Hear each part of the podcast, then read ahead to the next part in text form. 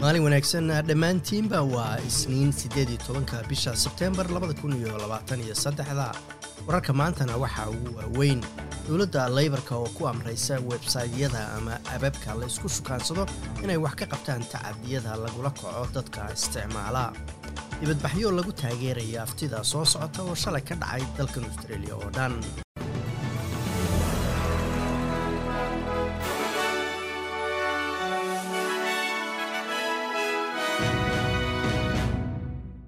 kumanaan qof ayaa isugu soo baxay dalka oo dhan shalay oo axad ahayd si ay u taageeraan cod ay dadka dalka loogu yimid ee indigeneska la yidhaahdo ku yeeshaan baarlamaanka dalka australia.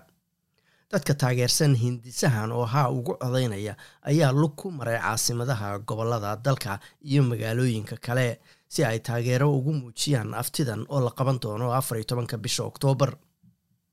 ololaha haa ayay tahay baa layidhi inay dadaal dheeraada muujiyaan. Kadib cod aruurin soo baxday toddobaadkii la soo dhaafay oo muujinaysa inay dhici karto in aftidaasi ay shacabka australia diidaan. Tan ayaa imanaysa iyadoo dhanka kalena kooxaha u ololeynaya maya ay ku kala qaybsan yihiin in heshiis gaara lala galo shacabka indigeneska iyo in kale haddii aftidan lagu guul daraysto daraasad cusub ayaa muujinaysa in isticmaalka tamarta nukliyeerka oo lagu bedelo warshadaha korontada hadda dhaliya ee isticmaala dhuxul dhagaxa oo hadda sii duqoobaya ay ku baxayso qarash gaaraya saddex boqol iyo siddeetan iyo toddoba bilyan oo dollar.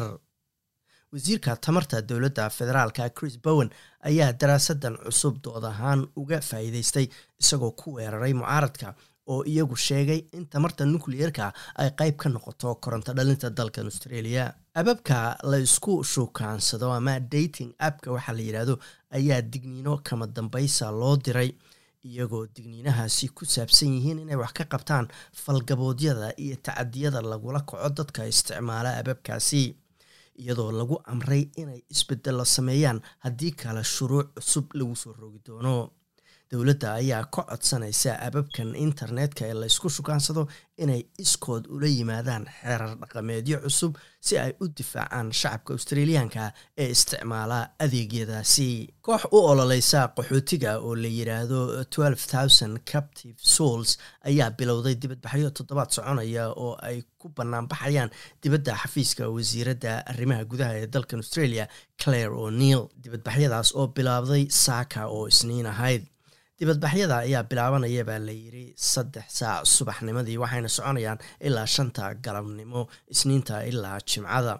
iyagoo dowladda ka dalbanaya in la dedejiyo waqtiga ay qaadato fiirinta araajida dadka qaxootiga ah. Saadaasha hawada berita oo talaadaha magaalada melbourne waa qayb ahaan daruur iyo labaatan iyo toddobo digrii halkaa sydneyna ay tahay cadceed iyo soddon iyo laba digrii weliba. Halkii australian dollara maanta waxaa lagu sarrifayay lixdan iyo afar senti oo lacagta maraykanka ah